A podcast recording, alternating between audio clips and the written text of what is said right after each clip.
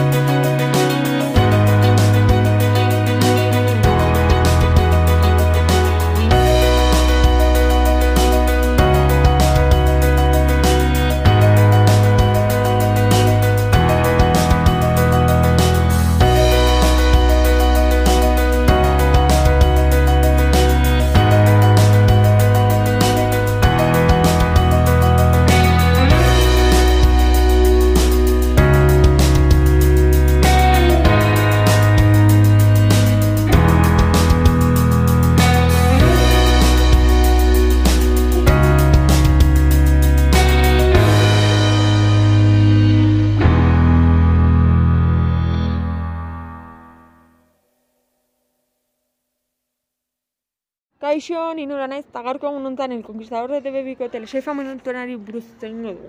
Norbaitik ezagutzen ez du telesai hau 2005ko urtarriaren irutik, irutik apilaren amaikara transmititu zen. Euskal Herrian, E ETV, ETB-tik eta Argentinan euskal programa baten bitartez. Hainbat programa e, ezberdin egon dira, emezortzi guztira. Emezortzietatik amaika programa El Conquistador del Mundo Mundoko Fin del Mundo izenarekin izan dira. 2005etik 2015 art- arte egin dira. 2008an Argentinako edizio bat egon zen. Eta 2016an El Conquistador del Amazonas. Gero 2017, 2018, 2019 eta 2021 baten El Conquistador del Caribe egin da. Eta El Conquistador del Pacífico 2019. Julian Jantzi izan da eta da telesai honen aurkezlea. Aurtengo denboraldia hasi da dagoeneko. Hemezortzi pertsona dira, eta hiru taldetan daude banatuta. Ata behin, aita, ata behin esken taldea, talde berdea. Korokote urdinen talde mixtoa, eta azkenik jokajun mutien talde gorria. Hogeita mairu pertsona hauek, Karibeko haiti isletan daude, eta egunero immunitate froga bat egiten dute. Eta horrela jakin dezakete nora joango den talde bakoitza. Hiru kanpamendu desberdin daude. Aberatsa, pobrea eta oso pobrea. Aberatsan hoiak dituzte janaria eta sua. Pobrean ez dute ezer. Ura bakarrik. E, oinanaren erdian daude. Eta ura ez da oso freskoa. E, bitxoz beteta egoten dira. Lo egiteko lur, e, lurrean egin behar dute lo, edo esterinen gainean. Eta azkenik oso pobrea dago, okerrena. Eta lur txarra, humedade asko, bitxo asko eta bertako guraldia ez da bat ere hona izaten. Batzuetan euri asko egiten du, eta oso txarra da bertan egotea. Azkenan geratzen den taldea asamblea batera joaten da, eta gero taldeak aukeratutako bat eta kapitainak aukeratzen beste bat, de, e, duelo batean bata bestearen aurka jolasten dute. Galtzen duena etxera joaten da, eta horrela behin eta berriz. Momentu batean bi taldeak banatu egite, bi taldeetan banatzen dira. Eta gero individualki jolasten dute. Bost pertsona iristen dira individual, individualki jolastera, eta horietako batek bakarrik irazten du. Kapituloak astelenean emititzen dira ete bin, eta asteazkenetan debate bat egiten da. Astelenean ikusitako ikusitakoa komentatzeko, eta astelenean etxera joan zenarekin hitz egiteko. Espero dut ondo ulertu izana, eta beste bat arte. Agur!